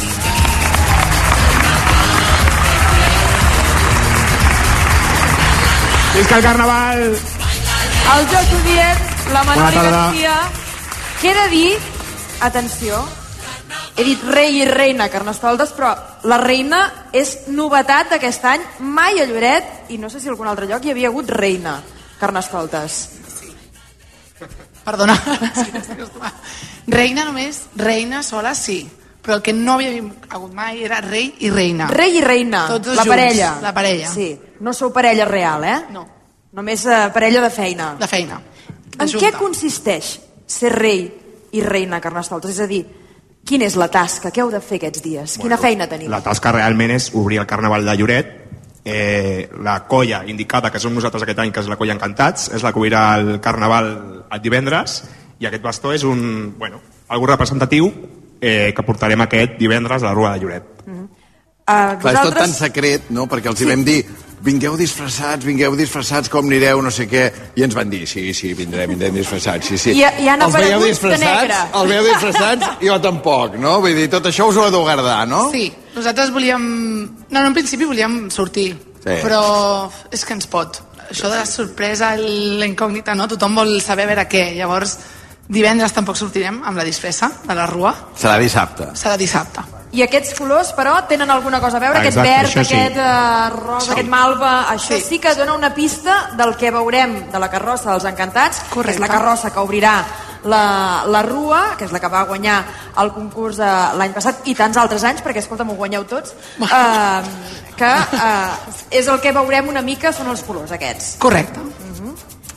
Doncs escolta, si no podem explicar res més, en tot cas desitjar que vagi superbé aquest carnaval, que això comença Gràcies. divendres, dissabte, que hi ha premis per les carrosses Sí, de. Lloret, per la gent Animem de fora... al poble, tothom, que perquè sigui un any després de la pandèmia que uh, la cosa està una mica fluixa, però el que volem és això, no? que no es perdi perquè Lloret eh, té un carnaval magnífic, espectacular, i la gent del poble s'ho mereix, això no es pot perdre. Només una cosa, quan comenceu a treballar per el carnaval de...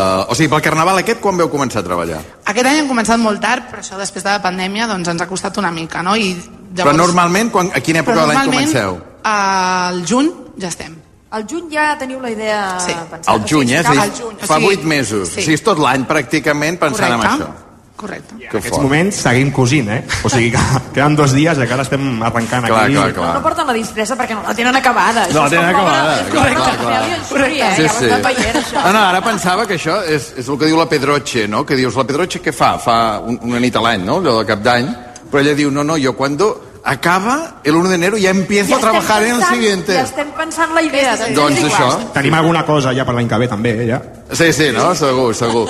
3 minuts i a les 8. Visca el carnaval i visca el rei i la Visca. reina. Ara tornem. Gràcies.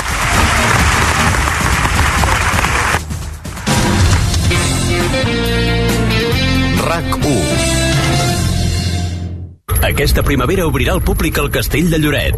Un audaç i il·lusionant projecte que combina l'entreteniment, la conscienciació sobre el canvi climàtic i una experiència immersiva amb la sincera vocació de convertir-se en un pol d'atracció internacional.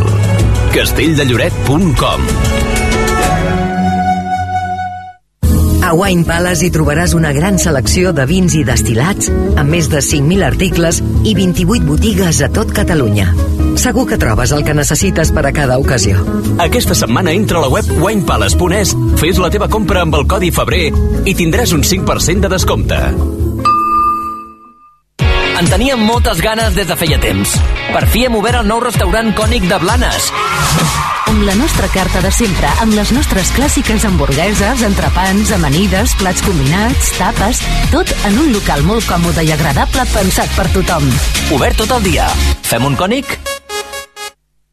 Saps que a les fonts de Montjuïc hi viu un cuc immortal i que els arbres poden tenir embòlies? A la Bienal Ciutat i Ciència descobriràs aquestes i moltes altres curiositats sobre la ciència. Del 21 al 26 de febrer trobaràs un munt d'activitats gratuïtes amb aforament limitat.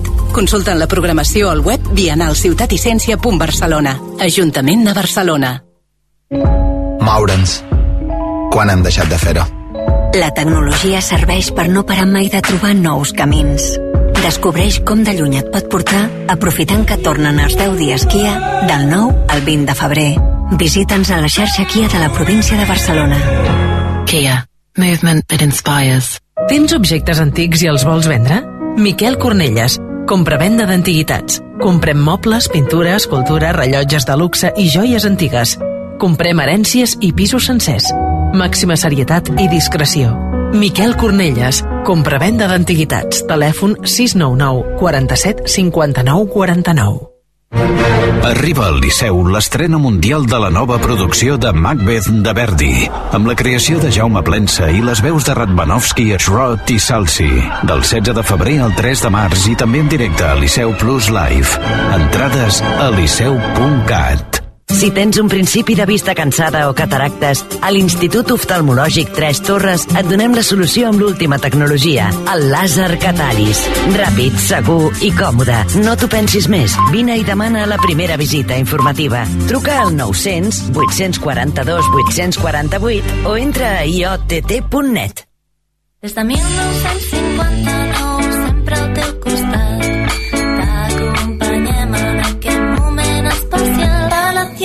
del Bebé A Palacio del Bebé hi trobaràs un equip d'experts en mobiliari infantil, juvenil i també per a tota la llar. Aprofita aquestes rebaixes per aconseguir solucions úniques per casa teva. Demanen cita a palaciodelbebé.com. Vols que la teva llar sigui més sostenible? Els dies 16, 17 i 18 de febrer t'esperem a la Fira de l'Energia i la Construcció Sostenible de Vic. Hi trobaràs les eines i els coneixements en bioconstrucció, autoconsum elèctric i bioenergia per fer de la teva llar un espai més saludable i eficient. T'esperem a Vic els dies 16, 17 i 18 de febrer. Més informació a vicfires.cat. Passi el que passi, no us perdeu cap detall de rac amb rac Comparteix. El portal de notícies de RAC1. Escolta. Tot l'univers RAC1 al detall. RAC1.cat RAC1 us està oferint La Ruta Islandesa amb Albert Om en directe des del Teatre de Lloret amb el suport de l'Ajuntament de Lloret de Mar, capital de la cultura catalana 2023 i la col·laboració de Wine Palace, Restaurants Cònic i Castell de Lloret.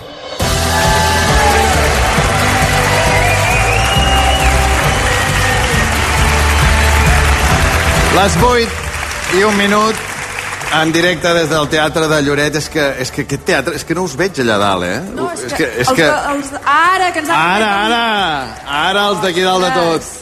Quin Bé, um, tinc ganes de xerrar una estona també avui amb dues persones que ens acompanyen, els hem sentit al principi, però ens fa molta il·lusió que de xerrar una estona tranquil·lament i de sentir després la seva música per acabar el programa són l'Helena Miquel, l'Òscar Danielo, De La Fe i les Flores Azules.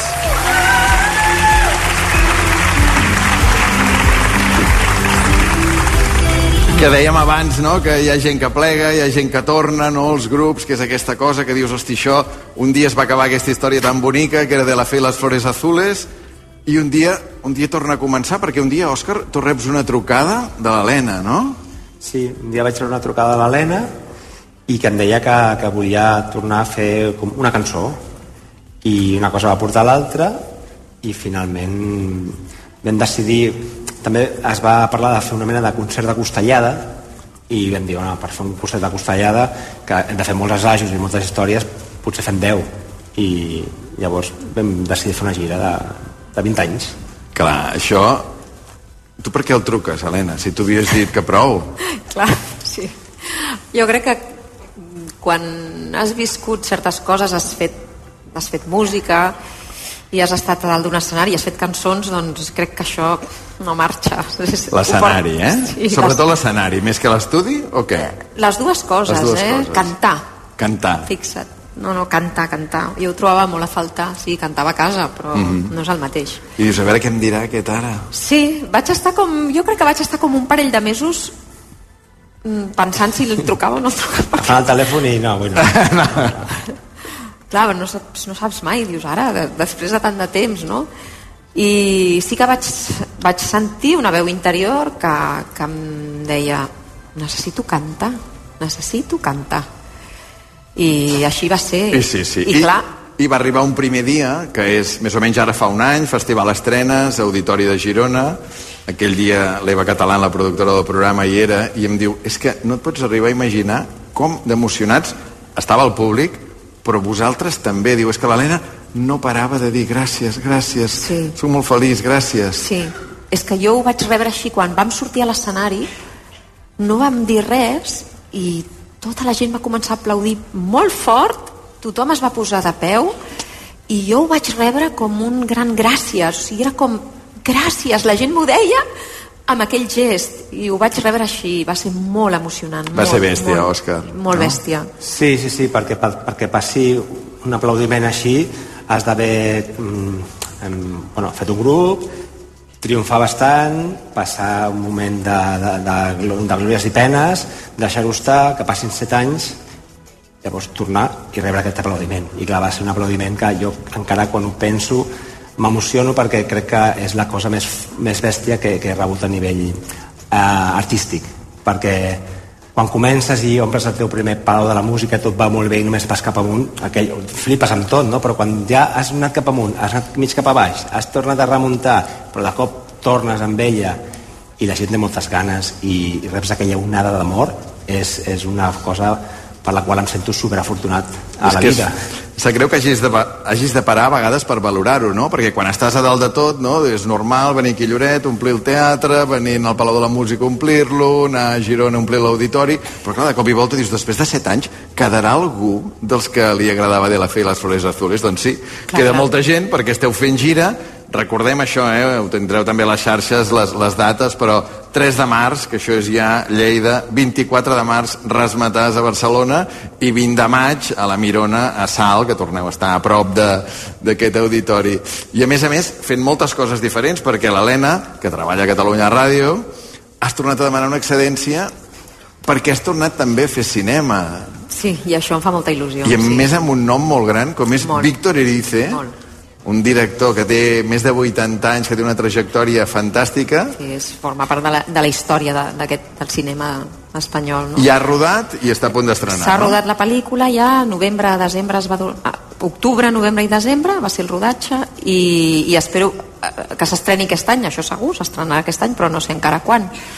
Amb moltes ganes de, de veure-la, la pel·lícula, i, i intentar una altra vegada doncs, doncs, eh, treballar una mica més de, de la interpretació, del, del món de la interpretació, que és una feina que m'apassiona, m'agrada molt, he gaudit molt quan he pogut treballar d'actriu i, i la vida m'ha tornat a posar en aquest lloc, no?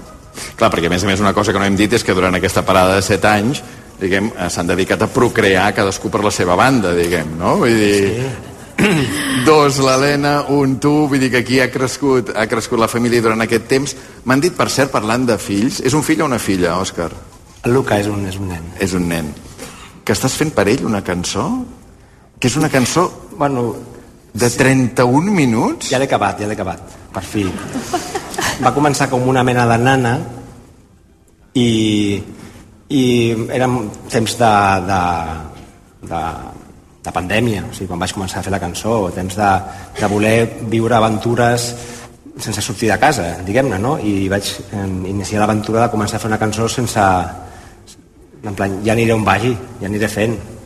I, i de fet va ser la primera cançó amb la qual l'Helena em va dir m'agradaria fer una cançó amb tu, però no em va dir quanta estona havia de durar la cançó. Llavors, jo li eh, vaig dir, bueno, jo estic, ara estic començant a fer una cançó, tinc una tornada, la pots cantar, però cada cert temps li deia, ara he fet un altre tros de la cançó, eh, pots venir i cantar-la, llavors la cançó anava creixent, anava creixent. Però 31 minuts? Sí, és molt és comercial, és molt comercial. Serà- Serà un hit.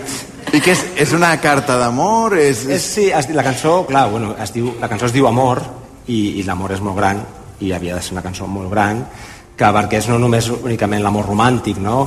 que, que tingués una mica de reflexions d'un senyor, que és com jo, que tinc 45 anys ja, que ja és pare, que, que de cop li han passat coses ja a la vida i com deixar un, una, una carta d'amor al meu fill per quan... Bueno, hi ha molts fills, quan, quan mm -hmm. no hi estiguem, no?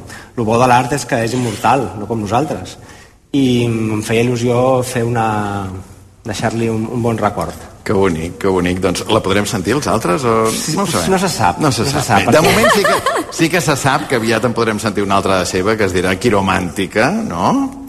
Ah, sí? No? I és aquest el nom? Sí. Ja, sí, sí, sí. Això que- Ja, ja. Encara ho estem rumiant, eh, això. Encara l'esteu rumiant? Eh, És bastant aquest. És, És bastant aquest. És Bueno, bastant després d'avui ha de ser aquest. Sí, Ha de ser aquest. ha de ser aquest. Després d'avui ha, de- ha de ser aquest. En fi, um, això té un... O sigui, aquesta tornada té un, un final o, o està obert ara? Ah, és una pregunta molt difícil de respondre. No, perquè no sé tampoc jo la resposta, eh? No en tinc Sí, més, no. era l'última aquesta. Però- Vull dir, sigui- D'acord, doncs. no, doncs el que sí que sabem és que aquesta gira la volem tancar perquè va començar com la gira per celebrar el 20è aniversari des de que vam començar. Aleshores sí que eh, hi ha com una necessitat de- d'acabar la gira, no? Segurament serà cap a l'octubre, ben bé, no sé, no, no, hi, no hi ha una data Mhm. concreta, no? però cap a la tardor. I després es veurà, no, no ho sabem, perquè Va, ti- tingues el mòbil a punt, Òscar, per, pel que pugui ser. pel que pugui ser. Escolta, l'Òscar deia que té 45 anys. Helena, tu vols dir quants anys tens o no? Perquè vull sentir l'O del públic. O prefereixes no Sí, dir-ho? sí. Sí? Sí. Quants en tens? 50. És que... No estava preparat, eh? No estava preparat. Però ja, és que... ja els has preparat a ells. Com... Realment és, és espectacular, vull dir, perquè sempre, deu, sempre que t'he vist, sempre tens 10 anys menys del, del que diu el DNI. Vull dir, no, no sé què passa. Quina Deus a preparar perquè d'aquí poc sentirem 1984 de La Fe i les Flores Azules. Gràcies. Gràcies. Ben tornats.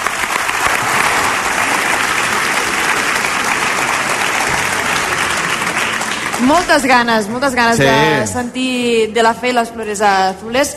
Moltes ganes també perquè vam prometre que avui aquí faríem una mica de tòmbola i és veritat que teníem alguns sortejos, alguns regals allò en marxa. Ordenem. Nit d'hotel per dues persones a l'hotel L'Azur de Lloret, reformat fa poc, fantàstic. Estem allà nosaltres avui, Unes fantàstic. habitacions, escolta, meravellós. Amb esmorzar per dues persones, hem fet un sorteig per Instagram. Qui se l'emporta aquesta nit d'hotel? Se l'emporta la Sofia Olomí, que ens ha dit que hi vol anar amb l'Adriana Camps per celebrar l'aniversari.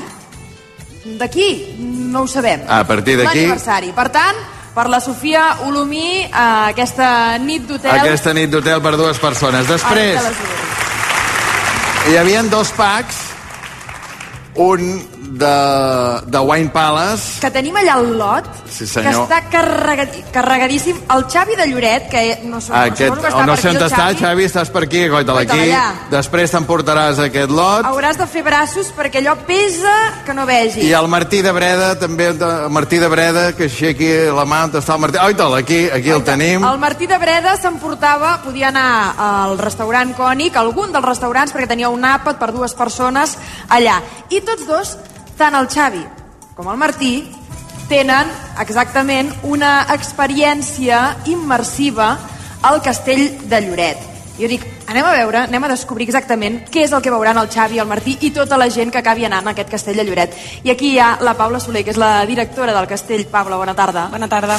Què veuran exactament ells quan, a, quan vagin a veure aquesta experiència immersiva que 1 d'abril, eh? encara no està oberta. La gent que no vagi allà a fer cua perquè s'obrirà l'1 d'abril. Què veuran? Bé, el, el Castell de Lloret és un projecte eh, fet amb molta il·lusió que combina eh, l'entreteniment i sobretot la conscienciació sobre el canvi climàtic. Per tant, eh, aquesta experiència eh, estarà formada per un viatge de tres etapes i quan arribem allà doncs, ens trobarem amb tres sales. La primera sala eh, estarà formada per les causes del canvi climàtic i allà doncs, el visitant es posarà unes ulleres de realitat virtual i eh, s'endinsarà en el món del metavers i allà passaran moltes coses, tampoc vull fer un spoiler. Que hi vagin gent. Exacte. O sigui, ja tenim les, les, les causes, sí, exacte. Eh, més endavant, la següent sala és la sala conseqüències i doncs allà eh, a través de la última tecnologia, vull dir, hi haurà una pantalla de 11 metres eh, de llargada, 4 metres d'alçada, eh, podran viure en primera persona tota aquesta emergència climàtica de la que estem parlant.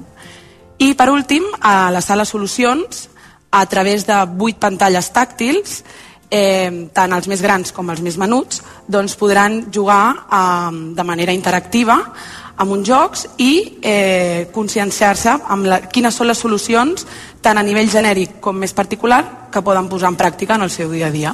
Per tant, tenim aquestes tres sales, que crec que també és important, no?, que moltes vegades ens quedem amb, la, amb les causes, les conseqüències, però no pensem massa amb, la, Les amb les solucions, solucions. exacte. I aquí ho podrem descobrir d'aquesta manera, eh, doncs, conscienciant-nos i passar-nos-ho bé a, Amb a una la inversió, Paula, em sembla important, i amb una previsió de visitants de... Tenim una previsió de 100.000 visitants l'any. I, a més a més, oferim eh, 40 llocs de treball aquí a Lloret, que crec que també és molt important fer menció. Sí senyor, doncs escolta'm, veurem a veure ja què passa. Dos oients, el Xavi i el Martí, seran dels primers que podran provar quan s'obri a la primavera Seran molt benvinguts. aquest castell de, de Lloret al públic. Un plaer, gràcies, Gràcies. a Paula per acompanyar-nos avui.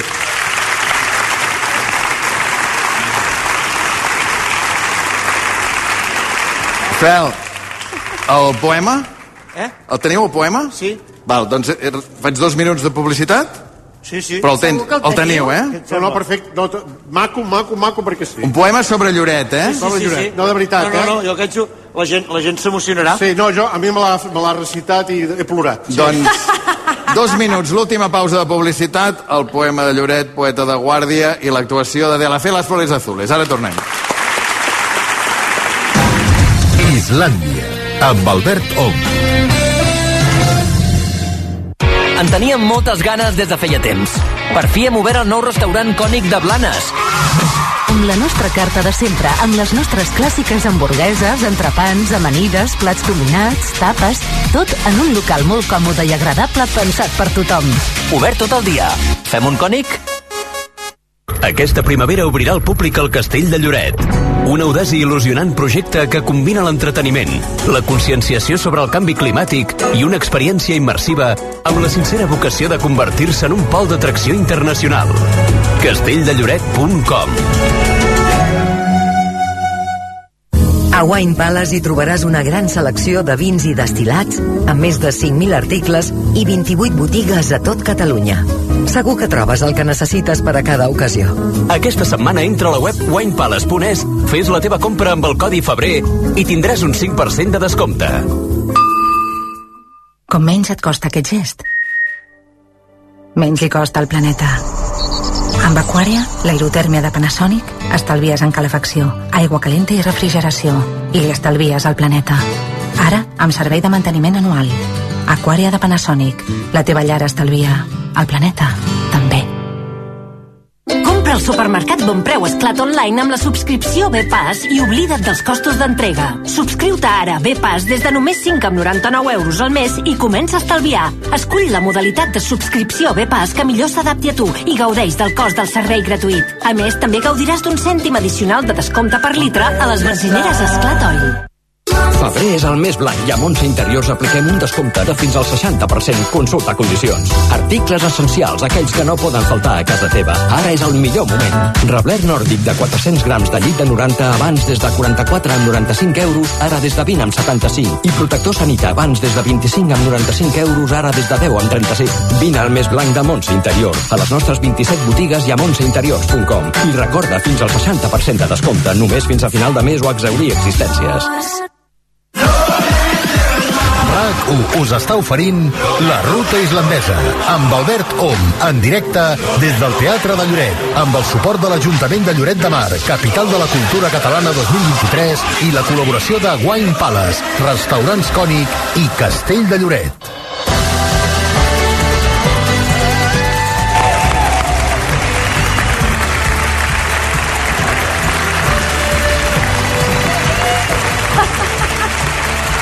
A veure, hem estat parlant d'això d'aquesta iniciativa del poeta de Guàrdia, qui la coordina el tinc al meu costat, que és el Joan Pau Romaní. Joan Sí. Pau, bona tarda. Bona tarda. Poeta de Guàrdia. Poeta de guàrdia i 10 més. A veure, això és el 21 de març, però Sí. la gent abans s'ha d'espavilar a apuntar-se. Ah, exactament. Com s'ha de fer? Uh, crec que serà l'1 de, l'1 de març, a Maranta, sí, que sortirà un Google Forms i a la gent es podrà apuntar en aquest Google Forms, podrà apuntar-se qualsevol persona que vulgui que se li reciti un poema, pot ser ell mateix o pot ser alguna altra persona. Uh -huh. Se li demanaran dues coses pre prèviament.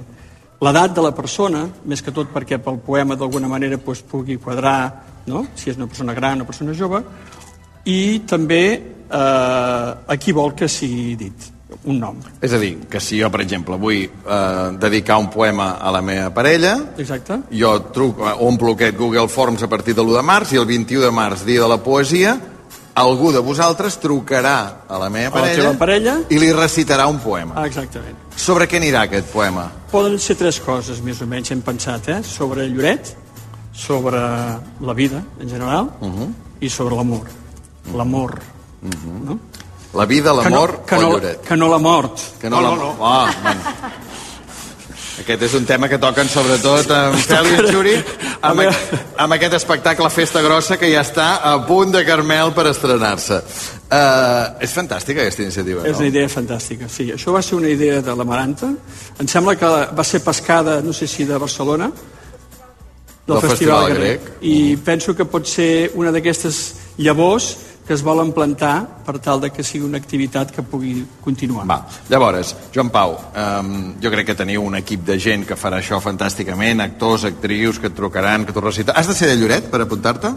No, no, no necessàriament. No cal, perfecte. No cal. Capital de la cultura catalana. Exacte. Està. Llavors, eh, sé que teniu gent molt preparada, però, però en sé que teníem avui en Fel i en Xuri han dit, escolta'm, mirem una de les temàtiques i encaixa perfecte sobre Lloret, l'has fet, no, Fel? Sí, sí, no, no preciós, eh? Preciós. Et sembla que anem nosaltres a la barra i que ells recitin i veure què et sembla, Joan Va, Pau? perfecte, a veure. una mica. Jo, jo li faig una mica com de... De director. Sí. Ah, no, no, no té, té moments molt punyents i llavors altres moments més delicats. Vull dir, els has de saber jugar, sí, eh? l- l'avantatge l'avantatge és que és un poema que és per totes les edats. Sí, això sí. Vull dedicar al meu fill, a la meva mare, a la meva àvia, sempre que siguin en vida, Va.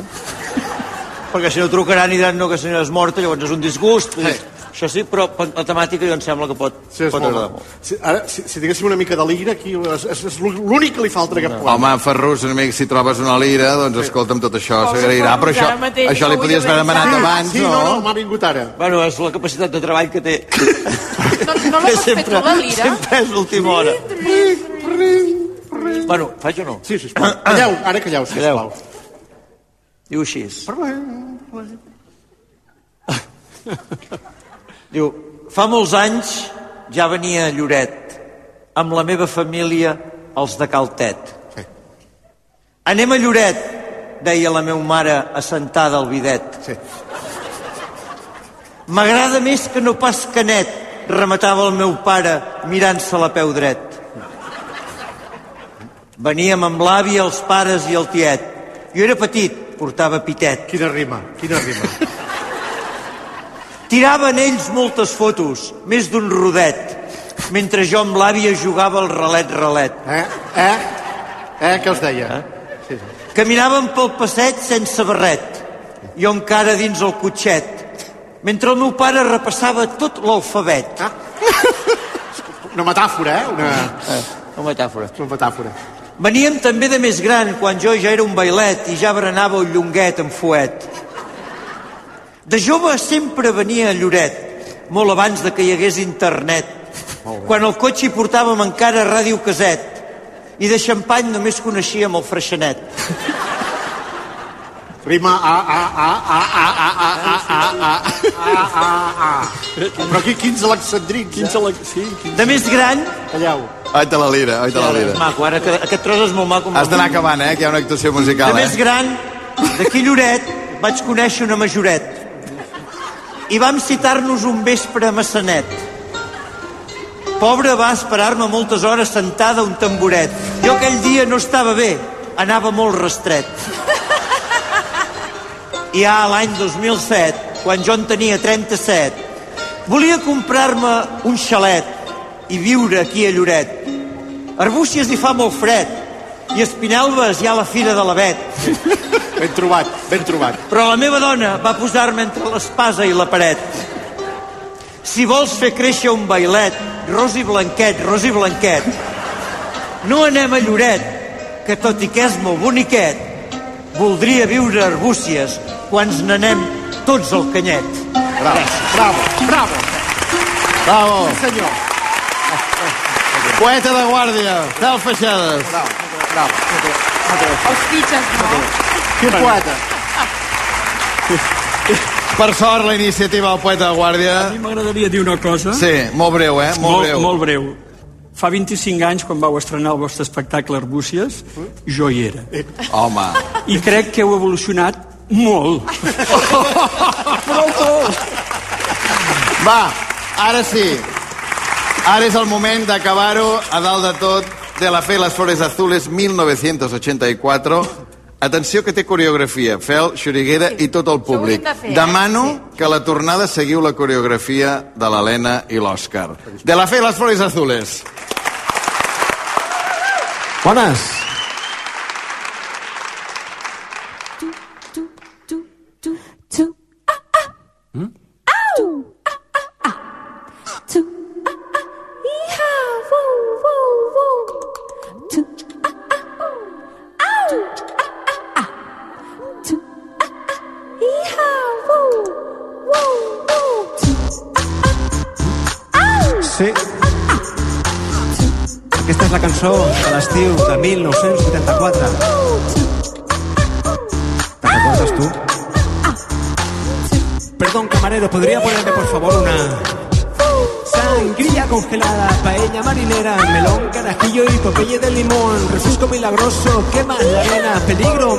La crema, nivea, la noche de San Juan, bermudas y gafas, gregos por las rocas, sudores y sábanas, turistas, fritos, olivas rellenas, me doy un paseo, of en chancletas, 37 grados, sombrillas de colores, toallas en balcones de los hoteles, bolas en la renfe, guaperas en náuticas, la marca del bikini, ah, palmeras que bailan con Mister Levante, uno, dos, tres, el horizonte, no hay nubes en el cielo y hace calor, cariño, ¿dónde he puesto el bañador? Es la canción del Ahora empieza la verano y es que ¿vale? esta es la canción del verano y es que esta es la canción del verano de 1984.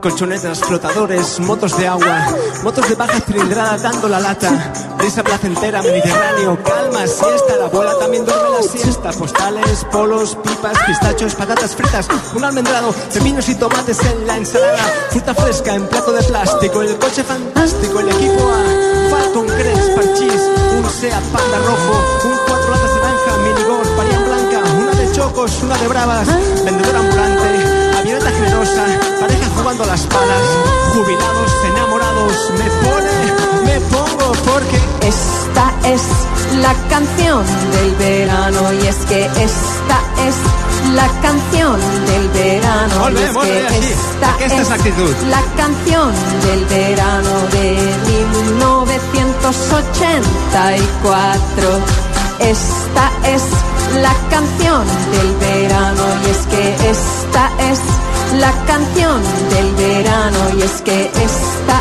es la canción del verano de 1984 1984 1984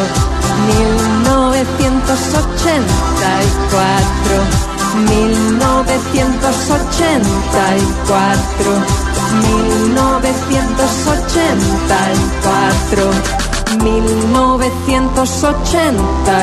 1984 1984 Gràcies.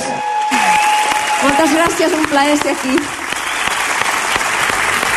Gràcies, Helena, gràcies, Òscar, un plaer, de veritat. Gràcies als de la Fe i gràcies, Lloret, capital de la cultura catalana. Gràcies.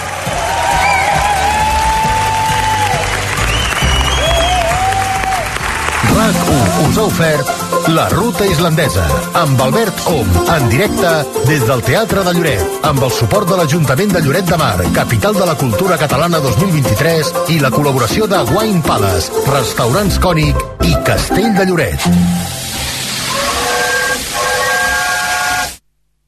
A Wine Palace hi trobaràs una gran selecció de vins i destilats, amb més de 5.000 articles i 28 botigues a tot Catalunya. Segur que trobes el que necessites per a cada ocasió. Aquesta setmana entra a la web winepalace.es, fes la teva compra amb el codi febrer i tindràs un 5% de descompte. En teníem moltes ganes des de feia temps. Per fi hem obert el nou restaurant cònic de Blanes. amb la nostra carta de sempre, amb les nostres clàssiques hamburgueses, entrepans, amanides, plats combinats, tapes... Tot en un local molt còmode i agradable pensat per tothom. Obert tot el dia. Fem un cònic? Aquesta primavera obrirà al públic el Castell de Lloret. Un audaç i il·lusionant projecte que combina l'entreteniment, la conscienciació sobre el canvi climàtic i una experiència immersiva amb la sincera vocació de convertir-se en un pol d'atracció internacional. castelldelloret.com Si ets creatiu, tecnològic i emprenedor, connecta't a la sessió informativa en línia de la Salle Campus Barcelona. De dilluns 20 a dijous 23 podràs informar-te dels graus en arquitectura, arts i animació, enginyeria STIC, informàtica, business, filosofia i els nous graus en enginyeria de la salut i disseny i creació de productes interactius. Inscriu-te a salleurl.edu i consulta l'horari de cadascuna de les sessions. La Salle Universitat Ramon Llull. Be real. Be you.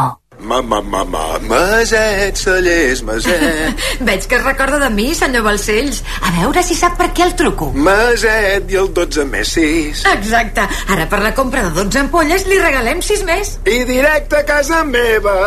I enviament de franc. Aprofiti la millor oferta de l'any trucant al 900 200 250 o entrant a maset.cat.